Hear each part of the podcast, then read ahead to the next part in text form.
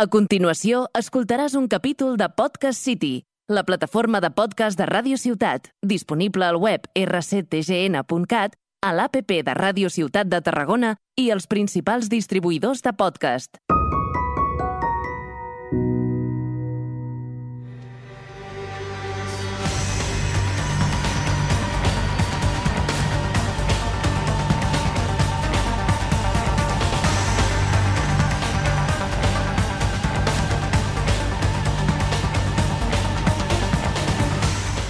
Bienvenidos a un, nuevo, a un nuevo episodio del podcast El Mundo que nos rodea.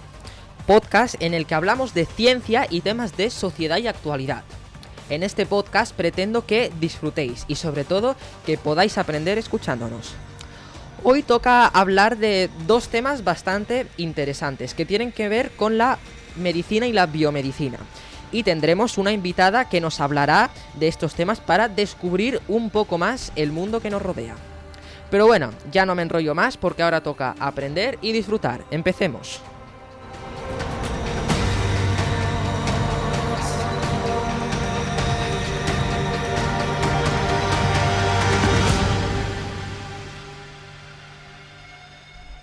En este episodio del podcast hablaremos de dos temas en específico. Como ya sabéis, hace dos años apareció un nuevo virus en nuestra, en nuestra sociedad. Un virus que se llevaba a la gente. Las personas no sabían qué hacer, ya que se desconocía completamente el virus. Estuvimos tres meses encerrados en casa y poco a poco, pasados estos meses, ya pudimos empezar a salir y a volver a la normalidad.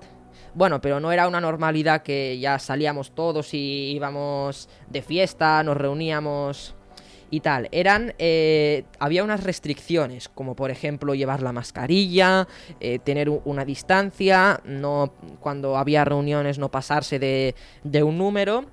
Y bueno, pasaron meses en esta situación de angustia y al final salió la vacuna que la verdad por lo general fue bastante bien, ya que la gente se quería vacunar, aunque hubo alguna que otra polémica.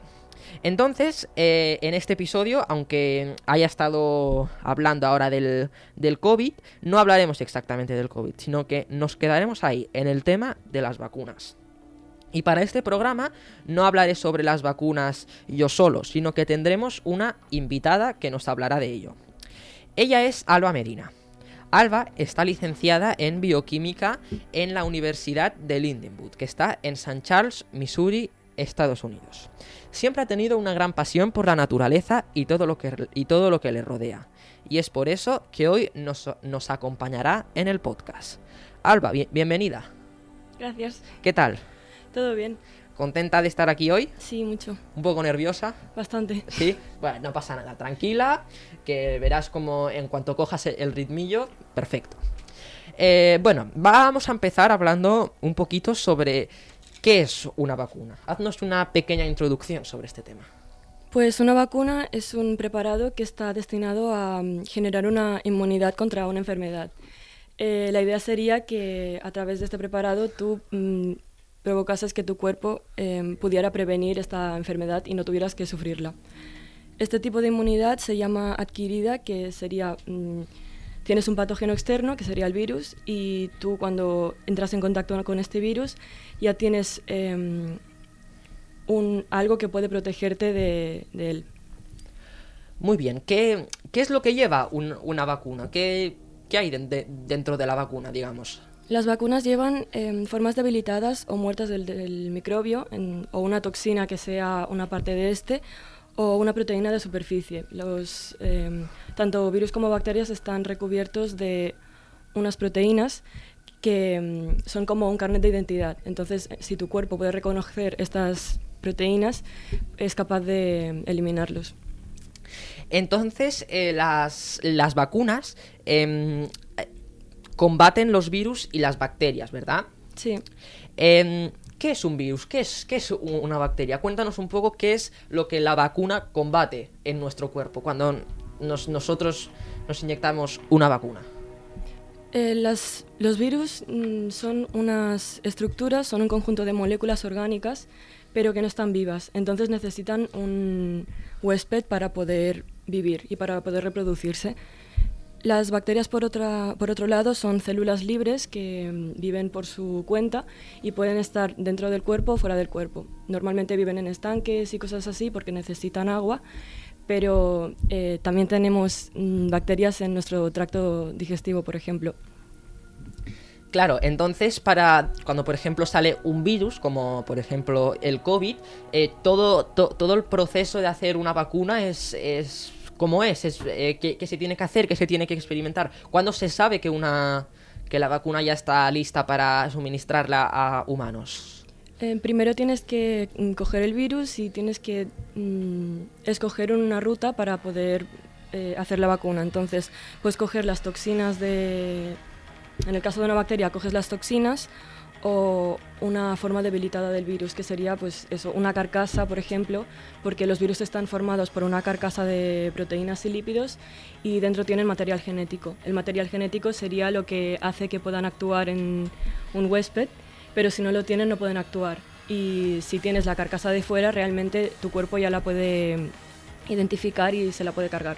Claro, entonces eh, los virus, ¿cómo nos eh, nosotros estamos, estamos llenos de, virus y, bacterias ¿no? a, nuestro alrededor. Eh, todo, todo está formado por, por, microorganismos, ¿verdad? Empezando desde los átomos, ¿verdad? Mm, sí, bueno, los átomos no son, son parte de materia, no son microorganismos. Hmm. Los microorganismos o sea, que no están, Perdón, que los átomos no están vivos, ¿verdad? No, no están vivos. Y los virus realmente tampoco. No, entonces, eh, ¿el virus no se considera un ser vivo? Em, está ahí en el limbo porque hay lo que se considera vida normalmente está determinado por aquellos organismos que pueden em, hacer las tres funciones vitales, que serían reproducción, nutrición y relación. Y el virus no se nutre de nada, porque es simplemente la estructura y el material genético. Entonces sí que hace reproducción por medio de, los huéspedes. Em, y por esto mismo también sería como relación en este sentido, pero no necesita nada para, para ello. No. Simplemente usa lo que, los mecanismos que tiene la célula, eh, que es su huésped. Entonces, ¿de qué, de qué está formado un virus? Porque, porque sabemos que nosotros estamos formados por células, ¿no? Hmm. Eh, el, y, todo, todo, todo, lo que está formado por células se considera un, un ser vivo. Sí, la célula sería la unidad básica de la vida y entonces cuando tú tienes una... Por ejemplo, las bacterias son una célula sola, normalmente. Es, esa eh, viven en digamos que es un organismo unicelular, ¿verdad? Solo una célula. Sí. Mm, continúa. Y tanto las células de las bacterias como las nuestras están formadas por una membrana de lípidos, que serían grasas. Em, también tienen proteínas y así, pero los virus lo que no tienen sería como todas las otras funciones. No tienen ni citoplasma, ni núcleo, ni nada, solo tienen eh, un, cromosoma, que es material genético, y la estructura de fuera para protegerlo. Claro, entonces, ¿qué diferencia hay entre un virus y una bacteria? Que uno está vivo y el otro no, más o menos. Entonces, la bacteria cuando puede vivir fuera del cuerpo y no necesita... O sea, no necesita un huésped realmente. Puede vivir sobre yo qué sé, si está en un lago o un estanque, puede vivir. Em, algunas de la luz del sol o de materia orgánica que se encuentra allí directamente y todo así. Pero un virus sí que necesita un huésped. La manera de combatir uno y el otro, los virus se combaten con medicinas retrovirales y las bacterias con antibióticos. Claro, entonces, ¿qué, em, ¿un virus de, qué está formado? Porque está formado por células. No, es simplemente una estructura orgánica. O sea, tiene, son moléculas apiladas una encima de la otra y poco más. ¿Y las bacterias? Las bacterias tienen una capa, tienen pared celular, entonces tienen como una estructura tipo como que está dura para protegerlas mejor. Tienen una membrana, que sería como la membrana de los virus, y dentro tienen citoplasma con algunos orgánulos celulares que pueden ser eh, retículo endoplasmático, lisosomas, y demás, hay bastante más. Y normalmente también tienen material genético, o sea, siempre tienen material genético que es diferente al nuestro, pero no están definidas en un núcleo, porque son de otro tipo de, de otra familia. Vale, entonces eh, sabemos que tenemos los virus y, las bacterias, ¿vale? Digamos que los virus eh, siempre nos, nos hacen siempre, o sea, ponernos enfermos, que, digamos, o es como, es como las bacterias que hay, que hay bacterias que combaten otros virus y otras bacterias que nos hacen ponernos enfermos. No sé si me explico. Sí, sí. Eh, los virus por lo general sí que nos hacen ponernos enfermos porque reaccionan con nosotros, pero también es verdad que puede haber virus que no reaccionen con el ser humano porque las proteínas que tienen de membrana no son, o sea, no pueden identificar una célula humana, entonces actúan sobre otro tipo de célula. Por ejemplo, los, em, esto también pasa en los que están dentro del cuerpo. Cuando coges un catarro, estos son como 20 mm, virus que entran en tu cuerpo y actúan solo en, las vías respiratorias. Pero si coges un catarro en el dedo gordo del pie no te va a pasar nada porque ese virus en el pie no va a hacer nada. Claro. Pues entonces, bueno, ya hemos, hemos resumido un poco lo que es virus, bacteria y, y, las diferencias, ¿no? Entonces, eh, las, las vacunas, ¿qué, ¿qué es lo que combaten? ¿Los virus o las bacterias? Pueden combatir las dos, porque, bueno, realmente combatir no combaten ninguna porque solo previenen su actuación. Cuando tú te vacunas, em, coges esta inmunidad adquirida em, en el cual tú generas anticuerpos sobre las, los agentes externos, o sea, los patógenos. Los anticuerpos serían como la respuesta que tú tienes en tu cuerpo de identificarlos, que sería como un banderín que tú le pones a la bacteria o al virus y dices, vale, esto es dañino y tengo que eliminarlo. Em, y esto se hace a través de los antígenos. Los, en la superficie de tanto virus como bacterias hay antígenos que serían em, como el carnet de identidad y una vez identificados, después tu cuerpo ya puede eliminarlos. Y esto sería la inmunidad adquirida, pero también hay una innata que funciona de la misma manera, pero no es un sistema de defensa que, con el que ya naces. Por ejemplo, la tos o mm, los mocos y todo así, pues... Entonces, ¿a qué, a qué te refieres con carnet de, identidad? Porque yo siempre he escuchado que el ADN, nuestro ADN es mm. nuestro carnet de, identidad, ¿verdad? Sí, y el ADN cuando, cuando está en las células, normalmente... Sí, sí, continúa. O sea, cuando el ADN, cuando está en las células, eh, se transcribe y se traduce para o sea, tú tienes la información y la tienes que leer, tienes que descodificarla y la, la puedes usar después para formar proteínas. Y estas proteínas son lo que realmente actúa y lo que hace que tú seas como seas y que puedas funcionar como ser vivo. En el caso de virus y bacterias, pues el ADN está protegido dentro de la carcasa, pero por fuera tienen estas proteínas que son em, especiales de cada organismo. Entonces, eh, se pueden usar como mm, método de señalización para que después se puedan eliminar.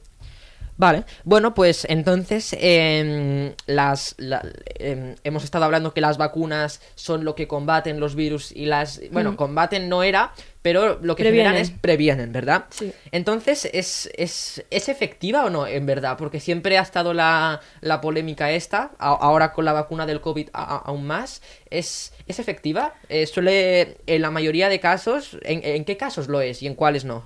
Eh es efectiva siempre y cuando tú nunca hayas tenido esa enfermedad. Por ejemplo, con el COVID, si tú no has tenido COVID nunca y te vacunas contra el COVID, eh, es muy posible que mm, de lo que está hecha la vacuna, que sería, por ejemplo, una cepa concreta, esa cepa ya no la puedas coger, porque tu cuerpo ya tiene una inmunidad contra esa cepa y cuando tú entres en contacto con este virus, ya no tu cuerpo reaccionará en contra de este sin que tú pases la infección. Entonces tú la enfermedad no la vas a pasar, pero el virus ya lo habrás matado, por decirlo de alguna manera. Eh, hay algunos casos en los que mm, no, es, no es efectiva y sería cuando la cepa es diferente. Cuando el virus ha tenido una mutación, o sea que ha cambiado una parte de su ADN, entonces la, como que el carnet de identidad ya no es el mismo.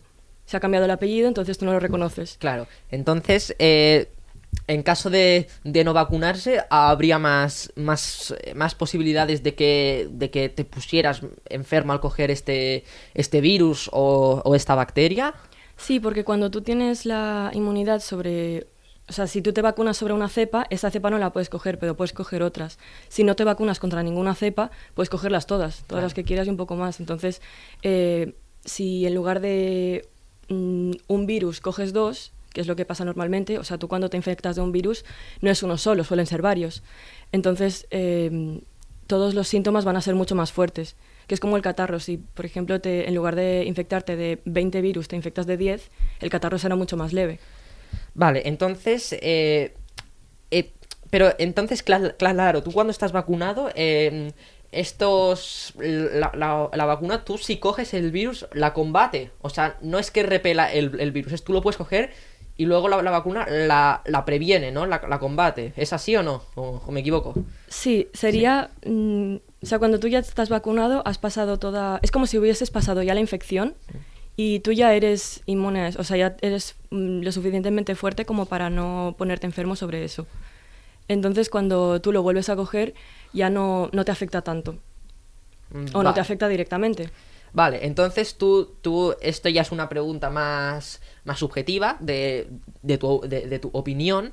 Entonces tú, tú estás a favor de las vacunas, tú dirías que es importante vacunarse, ¿sí, no? ¿Por qué? Sí que diría que es importante vacunarse porque cuando realmente una persona no va a hacer un cambio importante. O sea, si una persona decide no vacunarse, es su decisión.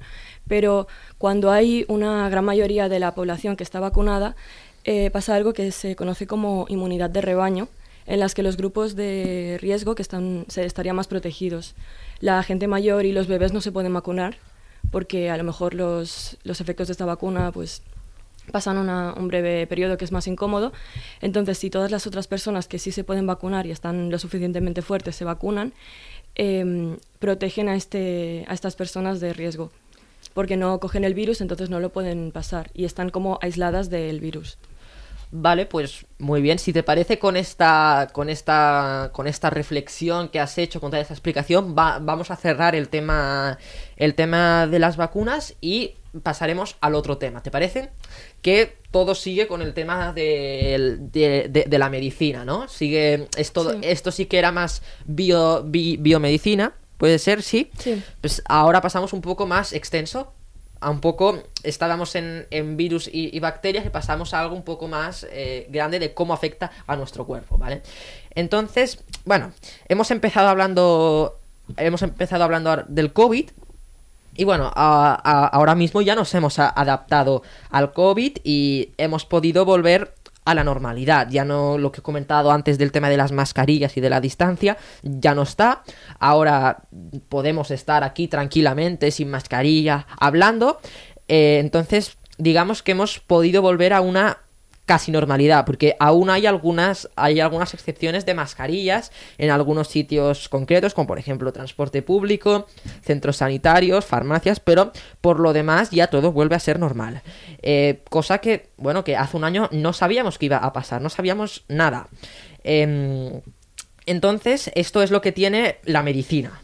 ¿No? Que nunca sabes lo que puede pasar, porque te puedes pensar que algo va a salir así, pero como nuestro cuerpo es impredecible, pues nunca se puede saber nada al 100%.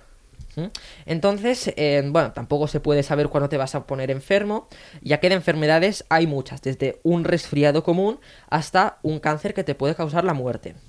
Y luego también hay un tipo de enfermedades que digamos que no son muy comunes, ¿verdad? A las que las llaman enfermedades raras o minoritarias, que es de lo que de lo que quiero que hablemos ahora, ¿verdad? Sí. Bueno, ¿qué te parece si empezamos hablando un poco qué es una enfermedad minoritaria? Cuéntanos, Alba. Las enfermedades minoritarias mm, son aquellas que solo afectan a un número muy reducido de la población. Eh, no son, o sea, se meten dentro del mismo grupo porque afectan a un número tan reducido que realmente tampoco se estudian mucho porque no hay un... Em, es muy difícil. Eh, se, tendrían que hacer estudios globales porque a lo mejor afectan a 5 entre 10.000 casos. En Europa está estipulado así, que sean enfermedades raras em, las que son en este ratio. Eh, pero se necesitan hacer estudios globales porque en un mismo país no se reúnen tantas personas con esta enfermedad como para que eh, se pueda hacer un tratamiento para todas las personas y que funcione para todo el mundo. Si se experimenta con una sola persona, realmente no tienes tanto, o sea, tanta seguridad de que vaya a funcionar con otra persona, porque cada cuerpo es un mundo. Y también es muy complicado investigarlas porque eh, no, hay, no hay fondos para que se destinen a esto, porque como es una población tan reducida, normalmente se estudia contra el cáncer, que hay muchísima gente que lo tiene, entonces vale mucho más la pena estudiar eh, enfermedades que sean más comunes porque salvas a mucha más gente. Ya sé que es un poco feo explicarlo Claro, así, es, pero... es- es así, pero es que Sí. no, no- es que es como es, Sí. ¿no? Y es, es, y es el problema de las enfermedades mino- minoritarias, que es igual hay menos del, del 1% de la población, ¿no? Hmm. Y pues no, pues la gente debe de decir, pues es mucho di- dinero investigarlas, es, mm, eh, es mucho dinero y como hay tan, tan poca gente, pues igual no vale la pena. Y mejor el, el dinero que tenemos para investigar una enfermedad minoritaria lo, lo ponemos para investigar el cáncer que hay muchísima más gente que, que lo tiene y así salvamos más vidas. Es lo que es, es como es. Sí, ¿no? es más No, productivo sí. realmente porque salvas a más gente. Claro, pero igualmente está mal porque, porque Sí, moralmente está feo. está, está bastante mal porque la gente que, que padece de, de estas enfermedades, que aunque sea muy, muy, muy, muy poca gente, Tienen muy pocas posibilidades realmente. claro, pero la, la que la tiene es, como injusto, ¿no? Mm. digamos, para ellos que, que como ellos tienen esta enfermedad que igual solo la tienen, yo que sé, me lo invento, tres personas más en todo el, pla- el planeta, pues no la quieren, Sí. no la quieren investigar. ¿Verdad? Pues este sería el, el- el verdadero problema de las, de las enfermedades min- minoritarias. Entonces Sí, hay... que realmente no hay tratamiento Claro, para ellas. hay, hay, hay fundaciones, hay ONGs que se, que se dedican a, a, a lo, a lo que recaudan, lo, lo envían para, para, para, para que se pueda investigar estas enfermedades Sí, minoritarias. Además, las investigaciones en, en todo lo de ciencias, biología y todo el material es carísimo. Claro. Así que no necesitas muchísimo dinero para hacer algo que realmente eh, valga la pena y descubras algo importante.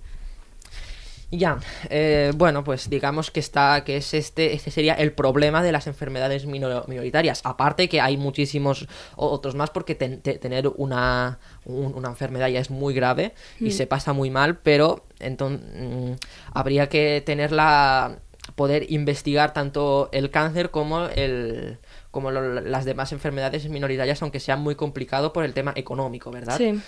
Bueno, eh, pues vamos a hablar un poquito de, de- de estas enfermedades. Eh, cuéntanos de dónde pro- provienen los que, las que, los que tienen alguna de estas enfermedades minoritarias, como por ejemplo la ELA, que es una que se conoce bastante, que es una de las Sí, que se creo que es de habla. las más conocidas. Es, es de las más conocidas, por ejemplo, de esta, de, de dónde provienen, cómo, cómo entran en, en el cuerpo.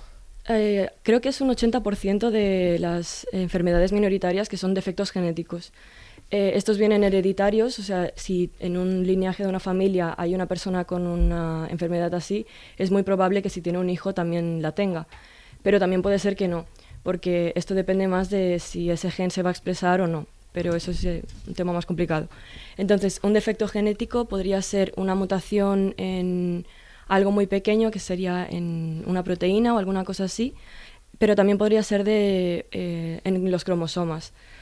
Mm, por ejemplo, el síndrome de Down sería una tricrosomía, que es que tienes un cromosoma de más y afecta muchísimo a la persona. O sea, una persona con síndrome de Down y una persona con los cromosomas que normalmente lo- tenemos los humanos serían muy, muy diferentes y simplemente es, eh, es una realidad diferente para ellos, pero también puede causar em, otro tipo de, de repercusiones que son mucho más, mm, o sea, que no se pueden vivir con ellos. En Claro. el ELA, por ejemplo, te dan un... em, cuando te diagnostican sobre el ELA, te dan más o menos dos o tres, a lo mejor cuatro años de vida. Hay gente que ha vivido más, pero normalmente son de dos a cuatro años. Es el promedio. Entonces es una enfermedad, es- su- suelen ser enfermedades genéticas, ¿no? Que están en, Sí. en, en los genes, ¿no? Sí, en la información que se pasa de padres a hijos y así. No es una enfermedad, por eso también es una enfermedad muy complicada de tratar. Claro, pero no, no es ni un virus ni... ni No, no es algo externo, es algo interno. En el, en, el, en el ADN, ¿no? Sí. En, en nuestros genes. Sí, y hay algunas que pueden ser mm, más leves, como por ejemplo la insensibilidad congénita al dolor, que hay gente que diría que es un superpoder porque no puedes eh, sentir cuando te hacen daño, pero realmente el dolor es una herramienta que tenemos para protegernos. Entonces, dentro de lo que cabe, puedes tener una vida normal porque no es algo que te afecte mm, a tu funcionalidad, pero sí que es algo mm, de riesgo porque puedes sufrir lesiones sin enterarte y morir más joven solo porque tienes una hemorragia interna y mm, no te has enterado porque no te duele. Claro. Mm, bueno, pues hemos empezado hablando de sobre el ELA, que es un Sí. que es un ejemplo de enfermedad minoritaria que posiblemente es una es una de las más conocidas. ¿Hay algún otro tipo de enfermedad minoritaria que quieras destacar o, o quieras o quieras hablar de ella, de por qué es minoritaria, o prefieres que hablemos del ELA? Mm, Bueno, del ELA eh, es la esclerosis lateral amiotrófica, que es eh, neurodegenerativa. Sí, entonces, ¿qué, qué- cómo, te, cómo, cómo, cómo te afecta? ¿Qué es? Esto sería que la- te degenera las células nerviosas motoras, que serían las neuronas que se encargan de, de que tú te puedas mover y todo esto. Entonces eh, te causa debilitamiento muscular, te, no te deja moverte y llega un punto que eres estás tan débil que ni, no puedes ni respirar. Cuando te afecta el sistema respiratorio, entonces ya no puedes seguir viviendo porque no respiras y pues de esto. Pero es un, tiene una causa desconocida, todavía no hay... eh, no ha habido recursos suficientes como para determinar qué es lo que causa esta enfermedad. ¿Y, y- y se está investigando? ¿Hay, al- hay algún tipo Sí, de se está investigando, o pero de algún es tratamiento? eso, hay muchas... eh, bueno, tratamiento es conseguir que la persona siga con vida todo lo que se pueda y siempre que tenga una lesión o siempre que tenga algún problema, pues intentar poner una solución. Pero en tema de, mm, de investigación se tiene que hacer bastante más investigación para, para determinar mm, simplemente qué es lo que causa, porque si tú no sabes lo que causa tampoco le puedes poner un remedio. Claro. Eh, en- entonces, el- hemos estado hablando del, del ELA, que lo que causa es esto, de las... Que, así, en resumen, que te quedas inmóvil, ¿no? Sí. Y que afecta al- a las neuronas Mm. Y, y a, y a los genes también. Los genes sería Los lo que, Sí, lo, lo que la causa, lo que la causa. Y es muy difícil saber qué, qué es lo que la causa. En plan, si es eh, un defecto genético, es muy difícil saber eh, qué defecto genético es, porque si tú tienes un cromosoma de más, esto sí que se puede ver. Pero si tienes una mutación en un gen concreto y eso provoca todo esto, identificar el cromosoma que es, identificar el tramo en el que está puesto, identificar qué es lo que cuál es la mutación que es, eh, eso es muy complicado, porque cada persona tiene un material genético bastante similar, porque somos todos de la, mis- de la misma especie, pero también hay muchas cosas que son muy diferentes. Pues, eh, ¿hay algún otro tipo de enfermedad minoritaria que quieras destacar o nos quieras hablar? Mm, sí, también estaría la de la X frágil, que sería eh, similar al síndrome de Down, ¿Mm? porque tiene un defecto en un cromosoma, que es el cromosoma X, y esto es eh, lo que vulgarmente se conoce como retraso mental. Es son tipos de personas que les falta mucha eh, que padecen de falta de atención, hiperactividad, eh, dificultades en aprendizaje y cosas así. También pueden tener humor inestable y son, tienen comportamientos autistas. También es algo hereditario y es algo muy difícil de tratar porque si están los genes, tú no puedes cambiar la estructura de una persona para que deje de tener eso. Es algo que tendrías que cambiar la genética y como la persona ya está formada, ya no puedes cambiar esa genética. Tendría que ser algo en etapas embrionarias, cuando la persona em, todavía no se ha formado del todo. Entonces ahí sí que se podría hacer algo, pero también es muy difícil saber en esa etapa si hay algo que esté, entre comillas, mal con, con esa persona. Pues, pues muy bien. eh, ¿Y que hay alguna, hay alguna otra cosa? Porque por lo general ya, ya, ya hemos acabado la- las preguntas. ¿Hay alguna, hay algún otro tipo de, de cosa que quieras añadir acerca de, la, de las vacunas o de las enfermedades minoritarias? Pues eh, realmente no. De las vacunas lo que he dicho de la, ¿Y quieras de destacar? la también? inmunidad de rebaño, que es importante vacunarse solo para proteger a las personas que no se pueden vacunar, pero que es eso, que es decisión de cada uno. Bueno, pues, pues muchas gracias, Alba, por habernos acompañado en este episodio del podcast y habernos enseñado pues cosas que, que no sabíamos sobre las vacunas y las enfermedades raras, las enfermedades minoritarias. Gracias a ti. que te, te- te ha gustado la, la experiencia, te la has pasado bien. Sí. Al principio estabas muy nerviosa, estás ya he visto que a medida que te has soltado ya ya ibas ya, y- ya lo ibas haciendo muy bien. De, Gracias. De, de público, ¿qué tal? ¿Bien? Que, que sí, que nos dicen que bien. Bueno, pues ha sido ha sido un placer que nos hayas podido acompañar en este en este podcast. Y te deseo mucha suerte con, con, tu carrera, con tu futuro y con todas tus, tus, investigaciones. Y ya sabes que puedes volver aquí a hablar si hay, si hay alguna de tus inquietudes que nos quieras contar. Cuando quieras puedes venir aquí. Muchas gracias. Y nos lo cuentas, ¿vale? Gracias. Muchas gracias a ti.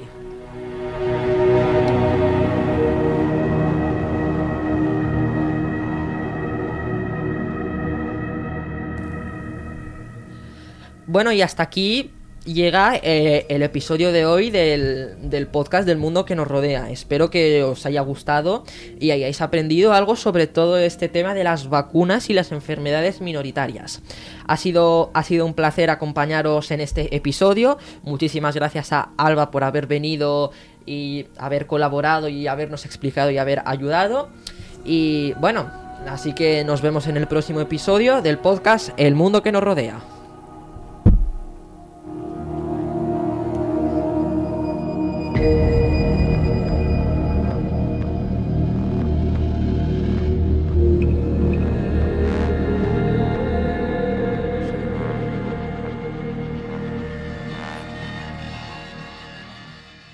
Has escoltat un capítol de Podcast City, la plataforma de podcast de Ràdio Ciutat, disponible al web rctgn.cat, a l'APP de Ràdio Ciutat de Tarragona i els principals distribuïdors de podcast.